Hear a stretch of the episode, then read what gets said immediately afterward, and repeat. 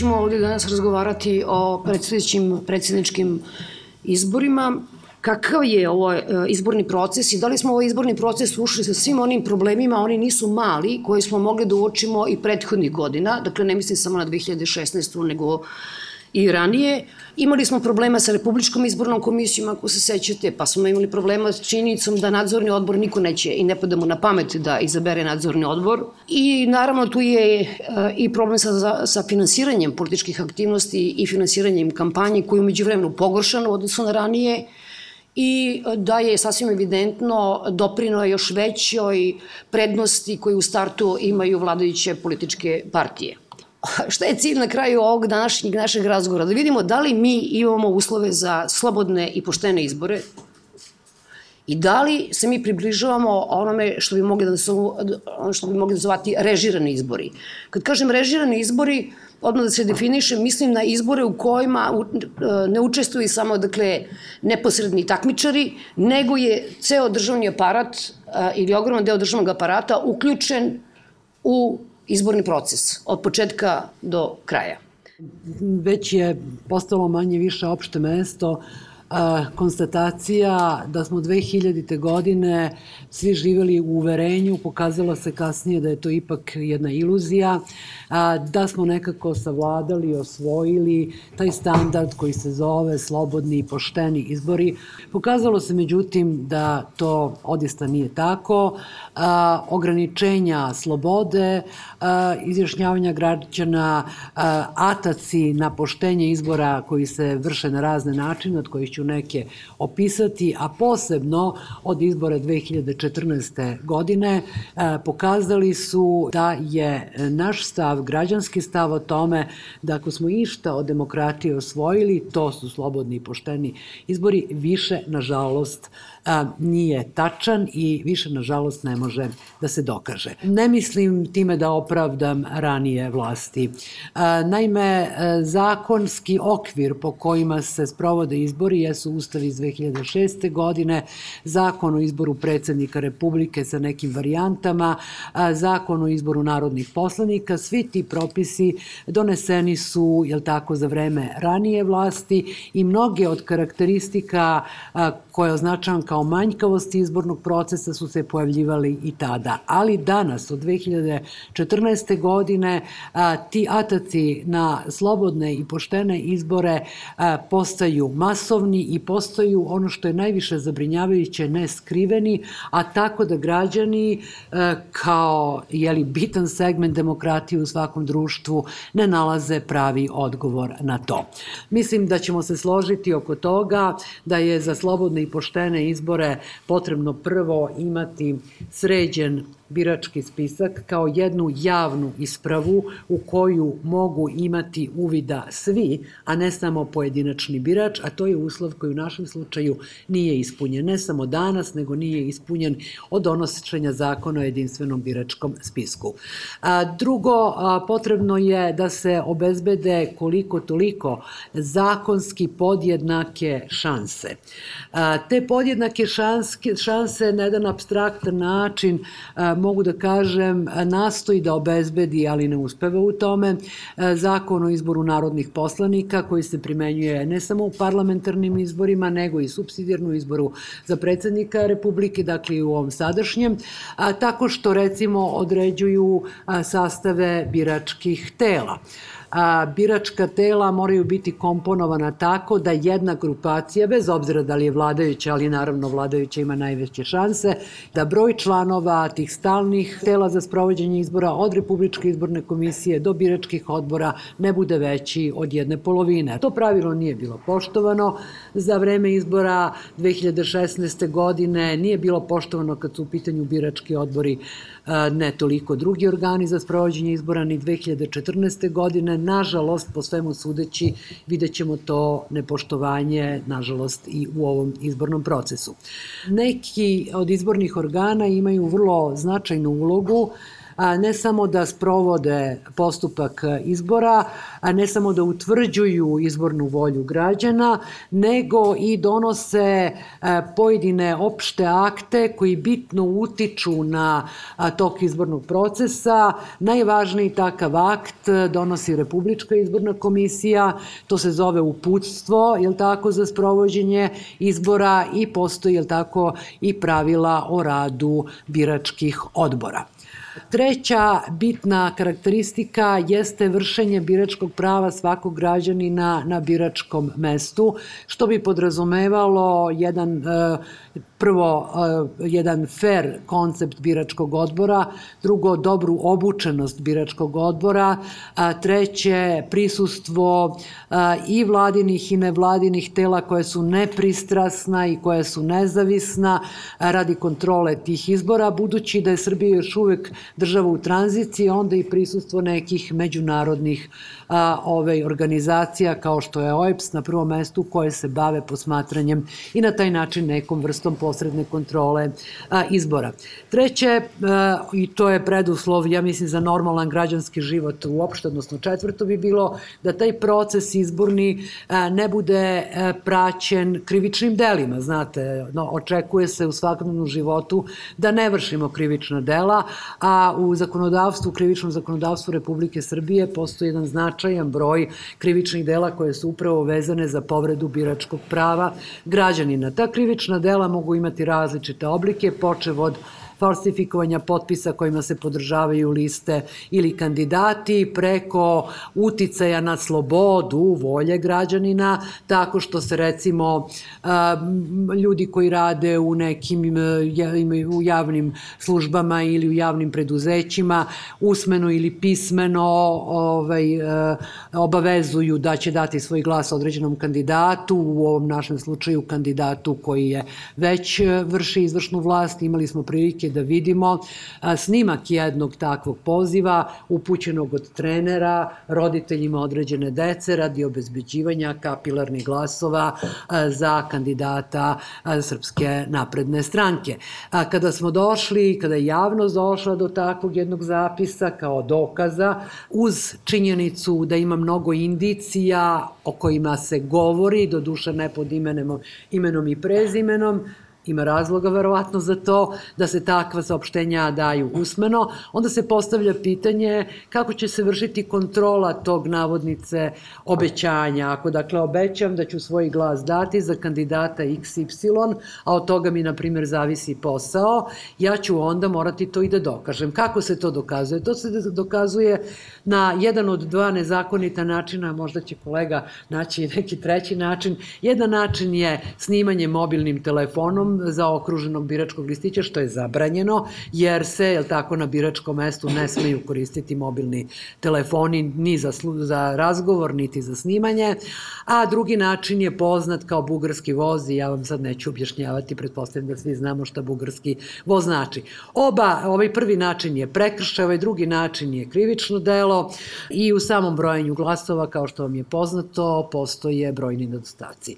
Gotovo potpuno je zakonski neregulisan no kasnije postupanje sa ovaj biračkim materijalom i najzad onda dolazimo do tog centralnog biračkog tela, odnosno organa za sprovođenje izbora, a to je Republička izborna komisija, čiji je sastav i rad praćen brojnim nedostacima kojim sam počela. Dakle, zakonski okvir je loš na e, nedostatke tog zakonskog okvira, na potencijalnu koruptivnost pojedinih odredaba i zakona i podzakonskih akata, ukazivano je često, ukazivano je u izveštaju OEPS-a, čak i Evropska ovaj, komisija je nešto o tome rekla. Dakle, rezultat takvog zakonskog okvira je potencijalna koruptivnost, dokazana koruptivnost u nekim slučajima, mada nažalost ne sudski dokazana a, i a, naravno a, post festum i znatno posle toga tek otpočet krivični progon protiv onih koji su vršili krivična dela. Za e,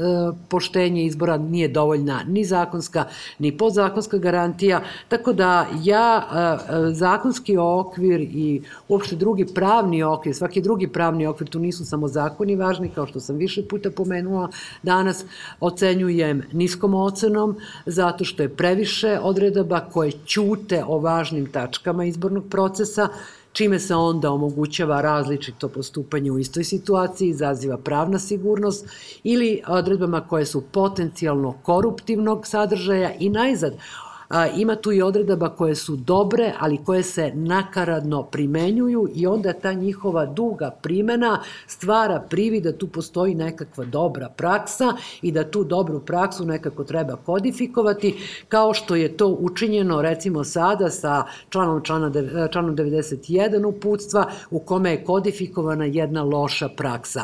O tom problemu sa verifikacijom zapisnika, utvrđivanjem stvarne izborne volje, pisala je već na Peščaniku koji je organizovao ovaj skup Sofija Mandić koja je sada i došla. Ja se ne bih dalje ovaj, upuštala u taj pravnički deo. Ako ima potrebe da se razjasni, onda ću ja pozvati autorku teksta da nam ovaj, objasni tu analizu ovaj, svoju koju je već objavila. Eto, za početak mislim da je možda bilo i previše. Hvala lepo. Moramo se složiti sa gotovo svim što je gospođa Rakić Udilnić rekla i ponavljao bih se. Kada bih rekao da smo u suštini kao društvo pali na demokratskom ispitu organizovani izbori. Dakle, od svih onih stvari koje smo identifikovali u procesu koji se tiču i biračkog spiska, koji se tiču i sprovođenja izbornog procesa na izborni dan, koji se tiču izborne kampanje, jer nije dovoljno da čak i sve bude savršeno najpoštenije i najbolje sprovedeno na, na sam izborni dan ukoliko je izborni, predizborni proces, izborna kampanja bila u atmosferi u kojoj nije bilo moguće da svi građani slobodno mogu da komuniciraju sa svojim ili kandidatima ili, ili partijama koje uh, predstavljaju njihove ideje, vrednosti za koje, uh, koje žele da dele. Ukoliko nisu svi kandidati ili sve partije mogli na identičan način da se okupljaju, da komuniciraju sa građanima preko medija, pre svega govorim o nacionalnim servisima, dakle govorim o državnim uh, javnim dobrima. Dakle, u tim okolnostima ne možemo da pričamo o, o fair i slobodnim izborima, pa čak ni o, uh, uh, u situaciji da imamo sve ispravno na sam izborni dan. Šta se promenilo od, od 2016. do danas? Ovih dana često govorimo ništa ili gotovo ništa. Nemamo e, informacija o procesu kontrole i ražiranja biračkog spiska. Dakle, možemo opet samo da verujemo ili da ne verujemo, pa sad kome kako želi da, da, da izabira. To nije normalno u jednom društvu da imamo jedan tako važan e, proces ažuriranja biračkog spiska van svih mogućnosti kontrole procesa. Dakle, e, čak ni nemamo jasnu sliku ko unutar sistema je nedvosmisleno odgovoran za ono što smo imali viđeno prošle godine, a to je prvi, prvi problem sa pozivima građanima na adrese koje, na kojima nikada nisu živeli. Dakle, i to je bilo masovno. To je bilo masovno, to Tako sam htjela da kažem. Da nikakav odgovor na tu temu nemamo dan danas. E, pre neki dan e, je Ministarstvo državne uprave i lokalne samouprave imalo e, radne sastanke sa predstavnicima medija, tu se povelo pitanje biračkog spiska, u tom trenutku smo dobili informaciju da ne, nemamo nikakvih problema sa biračkim spiskom. Dakle, čak i na tom mestu u ovom trenutku nije bilo spremnosti da pričamo o, o, o problemima, koji su bili evidentni. S druge strane, imali smo onu pojavu kada su građani masovno prijavljivali preko društvenih mreža da su proveravali da li su na biračkom spisku um, u elektronskoj bazi Ministarstva državne uprave. Kada su potvrdili da se nalaze na konkretnom biračkom mestu, odlazili su uh, na to biračko mesto i oni nisu mogli da glasaju. Pa sada dobijemo odgovor da u stvari to bila uh, nespremnost, nestručnost, neažurnost biračkih odbora, oni su se nalazili na biračkom spisku, ali biračkih odbor nije mogo da ih pronaći. Ne znam. I to je problem koji doprinosi urušavanju poverenja u birački sistem, u izborni sistem. Informacija sa kojom mi raspolažemo jeste da je u julu prošle godine 44% građana reklo da vere da u nekoj većoj ili manjoj meri bilo neregularnosti koje su mogle u većoj ili manjoj meri da utiču na regularnost izbora. Pazite, to je četiri i preko četiri od deset građana vere da nešto nije bilo u redu. A s druge strane imamo podatak da ako građani vide neku šansu da se uključe u demokratske procese, na neki način da daju svoj glas, da doprinesu nekom, eh, nekoj odluci koja se tiče njihovog života, jesu isključivo izbori. Jedino izbori. A imamo situaciju 2017. godinu koja je sasvim sigurno potencijalno lošije nego 2016. jer nismo videli sistemske promene. Dakle, mi smo prošle godine um, izašli sa čitavim nizom predloga. Nažalost, moram da konstatujem da o tim predlozima zvanično nismo mogli da razgovaramo ni sa jednom državnom institucijom i gotovo ni sa jednom političkom partijom. Imamo političke partije koje su izrazito nedemokratske interno, koje su bukvalno uzurpirale državu, i koje kontrolišu državu. I sad je tu, postavlja se pitanje, ko organizuje izbore? Partije ili država? Ukoliko izborne sve radnje se sprovode po zakonima koje su neposredno birale partije, kontrolu, državnu kontrolu izbornih procesa, odnosno sprovođenje i kontrolu sprovode predstavnici političkih partija, odnosno kandidata, u svo dužno poštovanje svih lista. Ne znam ni za jednu inicijativu da se razgovara o problemima u izbornoj kampanji 2016. godine, niti od jedne partije. I onda samo nam preostaje da čekamo i da vidimo i da strahujemo da li će se najgore strepnje ostvariti, ali onda pitanje šta se događa sa, sa tim nalazima. Dakle, šta opet možemo da uradimo? Mi možemo da pozovemo građane i to ćemo kao misija raditi, da pre svega izvrše uvid za sebe da li se nalaze u biračkom spisku. Rokovi su prilično kratki, Dakle, pozivamo ih da što pre provere u svojim lokalnim samoupravama da li se nalaze na biračkom spisku i unesu sve izmene kako bi, podnesu zahtev kako bi mogli da glasaju na predsjedničkim izborima, to je jedna stvar. Druga stvar jeste da prijavljuju nepravilnosti. Ono što očekujemo i spominjano je ovde jeste funkcionarska kampanja, To je nešto što morate da imate hiljadu očiju da biste mogli da vidite i da, da ispratite. Mi smo prošle godine imali puno problema da prikupimo informacije koje su kredibilne, dakle koje su proverene, koje do, dokumentuju različite radnje. Mi smo, mogu ovoga, ovoga puta da kažem, dobili a, pre dva dana fotografije iz Zemuna, gde se u vozilu a, gradske opštine Zemun nalaze promotivni leci jedne partije, jednog kandidata. To su u ovom trenutku još uvek izolovni slučajevi, ali dobri indikatori. Dakle, mi kao misija hoćemo da vidimo da li su to sistemske stvari i za to nam je potrebna pomoć građana. Dakle, e, da li na ko, u kojoj meri se pritiskaju zaposleni u javnom sektoru? Mi smo kao posmatačka misija u prethodnih mesec dana obišli skoro celu Srbiju. Ono što smo imali prilike da čujemo od kolega aktivista, novinara, zaštitara ljudskih prava, jeste atmosfera u kojoj vlada strah u kojoj je partija ili koalicija partija okupirala sve mehanizme Dakle, govorimo o biznis sektoru, govorimo o lokalnim institucijama vlasti, gde ljudi nisu spremni da pričaju o politici. Da se na kraju krajeva priključe nestranačkoj, građanskoj, posmatačkoj misiji, jer se plaše za svoj posao ili za posao nekog svog bliskog. Dakle, to govori atmosferi, čak i da ne dokažemo, jer jako je teško dokazati korupciju u izbornom procesu.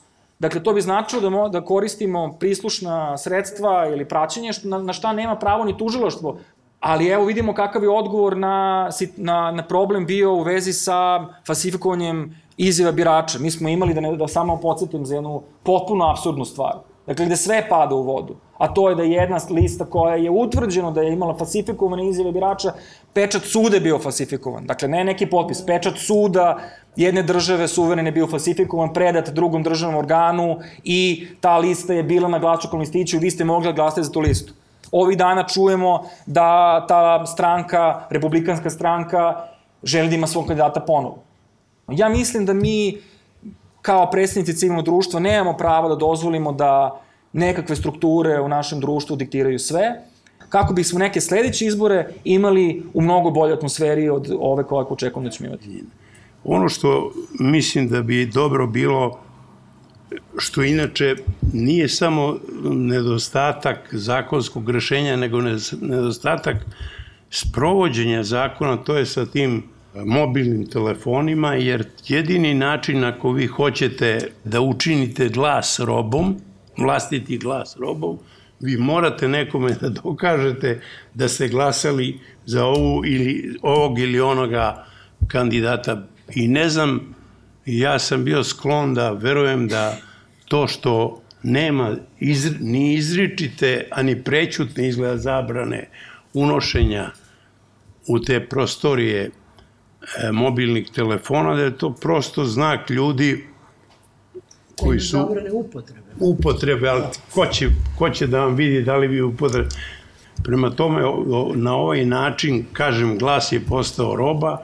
E sad, mi smo u transparenci upozorili na nešto što se zove kampanja pre kampanje, što je uvek prednost vladajućih stranaka, gde god to rekli, i vladajućih partija, da budemo precizni, i kolega inače što je rekao da partije vladaju, znate, partije vladaju svugde pomoću svojih predstavnika, ne direktno, međutim, kod nas ja bi taj to nazvao gde partije vladaju partito despotija. Dakle, mislili smo da bi bilo važno da zakonodavac izričito i u ovom zakonu propiše da zabrani tu takozvanu funkcionersku kampanju i najzad propustila je Skupština koja je iz meni zaista neobjašnjivih razloga neće se sastajati ovaj sledeći mesec. To je jedna arbitrarna odluka koja najviši organ vlasti praktično onemogućuje da radi. To samim tim znači da neće ni moći da bude formiran nadzorni odbor o kome je bilo reči. S tim da još, i tim ću da završim, da kada imate ovakvu jednu šarenu sliku gde jedan čovek ima polovinu, više od polovine biračkog tela, čini mi se da će to, ubrzaće to rastakanje opozicije, jer postoji sociologija izbora koja kaže kad birač ili vidi da nema šanse da njegov čovek pobedi, on ili ne izlazi na izbore ili glasa za ono ko ima šanse. I da vam samo dam jednu, jedan primer da naši u tom pogledu birači vrlo normalno reaguju, kao i drugde. E, to je primer iz prvih izbora između Nikolića i e, Tadića, kada je već Tadić bio 2008. kada je Tadić pobedio, i tu je bio jedan jedini spor koji je došao do suda, jer je čovek koji je glasao, utvrđeno je da je njemu istekla ka, lična karta 6. januara godi, te godine, a znači nije imao prilike za glasanje, što je sve završilo odlukom suda da se odre, da se izbori ponove. Čudno je bilo da su ti izbori ponovljeni, pošto je završena izborna trka, Rik je proglasio ko je pobedio, to je Tadić tada bio, ali na tom mestu je, gde je utvrđena ta nezakonitost ličnom kartom, pobedio je Nikolić, to ubedljivo. Kad je ponovljeno, posle završenih izbora, Tadić je već predsjednik Srbije, događa se jedan čudan rasplet da većina ljudi u istom opsegu, dakle izlaznosti, glasa za Tadića. E, to hoću da kažem, da ova, kad, ne, kad vidi neko da je kandidat koga preferira, ima 2 ili 3 procenta ili ne znam nije 2 i po, sva je prilika da će taj izađe negde iz Beograda ili da će glasati za ono koje možda ima, ko ima bolje šanse. Hoću kažem da je sami tako objavljeni rezultati ponovo ubrzavaju, to je akcelerator tih kretanja u biračkom telu. Koliko smo mi daleko, odnosno blizu, nečemu što bismo mogli da nazovemo nedemokratskim ili režiranim izborima? Mi smo od 2014. godine, naročito od 2016. godine, mnogo bliži, tako da kažem, nekim poludiktiranim izborima. A, taj diktat se sprovodi na razne načine, preko zakonodavstva, preko njegove primene, a, preko objavljivanja različitih a, ove, ovaj, prognoza u izborima, pa i preko ovih raznih, na, raznih pritisaka i ucena a, na radnom mestu. A, dakle, to se pogoršava, rapidno se pogoršava. Mogu da kažem da su od 2000. godine, izbori koji su bili 2004. godine, parlamentarni, bili relativno pristojno organizovani, predstavljeni napredak u odnosu na 2000. godinu. Izbori 2008. godine takođe mogu da se označe u tom elementarnom smislu kao demokratski izbori i onda nastupa, pogotovo, kažemo, 2014. godine, masovan uticaj, masovan atak na slobodu izražavanja volje, pre svega na kontrolu, je tako, celog izbornog procesa i na poštenje minimum su tu jednake šanse u izbornom procesu. E sada, što se tiče tih e, prognoza, ja zaista se ne bavim time, nisam nikakav stručnjak za to, ja ne mogu da kažem šta su to relevantna istraživanja, ali čini mi se da će na neki način teorija e, koja se bavi prognozama izbora morati da uzme u obzir neke najnovije trendove koji postoje van Srbije, ali se polako Srbiji približavaju. Tu ja mi mislim na Brexit, tu ja mislim na faktor Trump koji je potpuno ovaj, izneverio očekivanja, jel tako, istraživača javnog mnjenja. A, vidjet ćemo sada šta će se dogoditi u Francuskoj, to je takođe veoma interesantno i ne znam da li ste primetili da se ozbiljne kuće u Francuskoj, neke strane da, koje se bave istraživanjem javnog mnjenja uopšte ne oglašavaju. Kad su u pitanju predsednički izbori, čak ni o nekom mogućem redosledu kandidata. Ta, kako kažem, e, nekontrola medija sa stanovišta poštenja izbornog procesa, jedan njen element predstavlja objavljivanje tih prognoza. Koliko su one relevantne, ja zaista nisam čovek koji u stanju to da kaže. Ali, e, već je rečeno više puta, nemamo nadzorni odbor, ma kako njegova ovlašćenja bila mala, ali ipak saopštenja tog nadzornog odbora koja su dok je nadzorni odbor postojao uvek bila zasnovana na činjenicama, mogu da izvrša određeni uticaj na javno mnjenje. To što REM odbija da vrši svoju zakonsku dužnost, da podnese izveštaj o zastupljenosti kandidata, a, ovaj, e, takođe na neki način posredno može da utiče na javno mnjenje. I najzad, ta dominacija, ta supremacija jedne političke volje, možda bi trebalo da bude u, uzeta u obzir prilikom prognoziranja rezultata. Ja ne znam, ne volim da govorim o mentalitetskim osobinama, ali kod mene i kod mnogo ljudi koji poznajem, ta supremacija i dominacija jedne e, volje izaziva potpuno suprotan efekat. Idite do đavola. Glasaću za crnog đavola samo da ne bi glasala za vas. Iako su profesionalno urađene predizborna istraživanja i predizborne ankete, iako je lege artis sve to učinjeno, događa se da birači jednostavno iz nekih razloga, ne znam da su psihološki ili parapsihološki, jeli, i kad, dakle, nije bilo nameštanja e, u istraživanju da svi istraživači omaše, to je slučaj sa Danskom, ja ću vam navesti slučajno jedan primer 73. godine i tu su svi, sva istraživanja su potvrdila manje više e, raspored političkih stranaka onakav kakav je već bio u prethodnom sazivu, pet stranaka, međutim dogodio se izborni zemljotres. Tako je to nazvano i dakle ne možete i kad najpoštenije istražujete, prosto zato što to zavisi od te ljudske volje koju nikada nijedno istraživanje ne može i kada je u najboljoj nameri urađeno, ne, ja, dakle, ne, ne može da pogodi, dakle, ja neću da isključim ni tu mogućnost. Bih rekao da je to jedna od političkih kampanskih taktika i kad govorimo o javnom njenskim istraživanjima i kako ih ko tumači, kako ih koristi. Ali ono što ja mislim da je mnogo važnije jeste e, okolnost u kojim u ovim izborima ulazimo, e, odnosno već smo u izbornoj kampanji, koju REM ne kontroliše. Rekao da REM da će e, postupati isključivo po prijevama građana.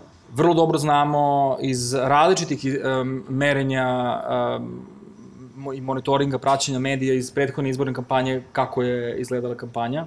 Već sada postoje um, početne indicije određenih uh, organizacija koje se bave praćenjem medija da postoji disbalans e, imamo situaciju sa makar jednim e, ključnim slučajem e, funkcionarske kampanje, dakle da neko nastupa kao kandidat e, obnašajući najvažniju izvršnu poziciju u našem društvu. Način na koji će e, ta kampanja biti e, praćena od strane Agencije za borbu protiv korupcije je dovedeno pitanje činjenicom da ćemo imati gotovo trećinu od onog broja posmatrača koji smo imali 2016. godine sa značajno manjim budžetom nego što smo imali uh, prethodne, odnosno uh, 2014. godine, sa sastavom dakle, koji čini šest članova odbora. Bez direktora, sa skupštinom koja je na pauzi, uh, gde uh, ćemo imati svega dva člana odbora, čini mi se 4. ili 3. ili 4. aprila, dakle bez mogućnosti donošenja odluka, a već izveštaj Agencije za borbu korupcije za predizbornu kampanju iz 2016. godine je bio prilično neodređen, odnosno nekritički u odnosu na mnoge situacije koje su se događale, a ticale se ingerencije Agencije za borbu, protiv korupcije. Uh, pričali smo i takođe o načinima koji građani mogu da budu kontrolisani za koga su glasali. Moram da kažem da ukoliko se poštuju sva pravila koja trenutno važe, nije moguće da bilo ko kontroliše kako je ko glasao. Ako se ako se poštuju sva pravila od strane biračkog odbora, nije moguće, i to građani moraju da znaju. Ukoliko neko njima viri iza leđa, da budem vrlo direktan, to je okolnost na osnovu koje može da se obara uh, glasanje na tom biračkom mestu. Pa makar i sam taj građanin podnese uh, prigovor Republičkoj izbornoj komisiji. Što partije uglavnom ne rade. Jer smo prošle godine imali svega 65 prigovora građana, a, a da kažemo da su to stranački aktivisti. Dakle, svega 65 o svim onim pričama o krađi izbora.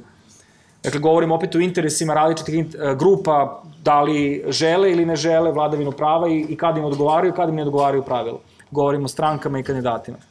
Ali ono što je najefektnija, rekao bih, metoda za kontrolu ko je za koga glasao, jeste strah.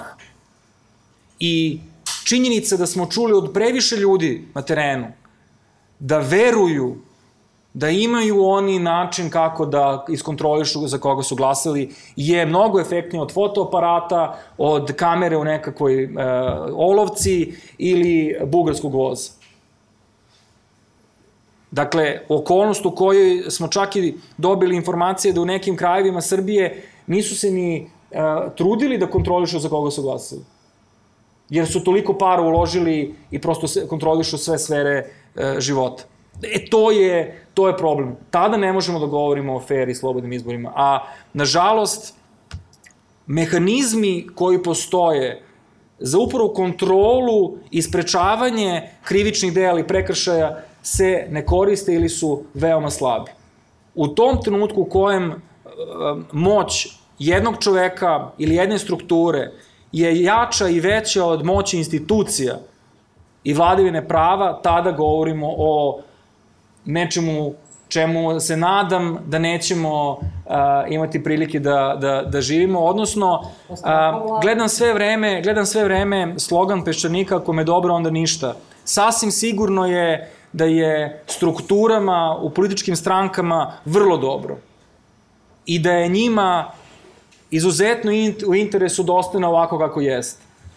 A ja mislim da i verujem da izbori pripadaju građanima, da smo se mi izborili za pravo da biramo ko će u naše ime odlučivati i da ne smemo da dozvolimo da se našim glasom manipuliše i da uradimo sve što god u našoj moći da se izborimo da ja glasam za sebe, da niko nema pravo da me pritiska za koga da glasam, da jedan čovek ima pravo na jedan glas, da ne može da glasa ni u čije ime i da tajnost glasanja ne bude ugrožena.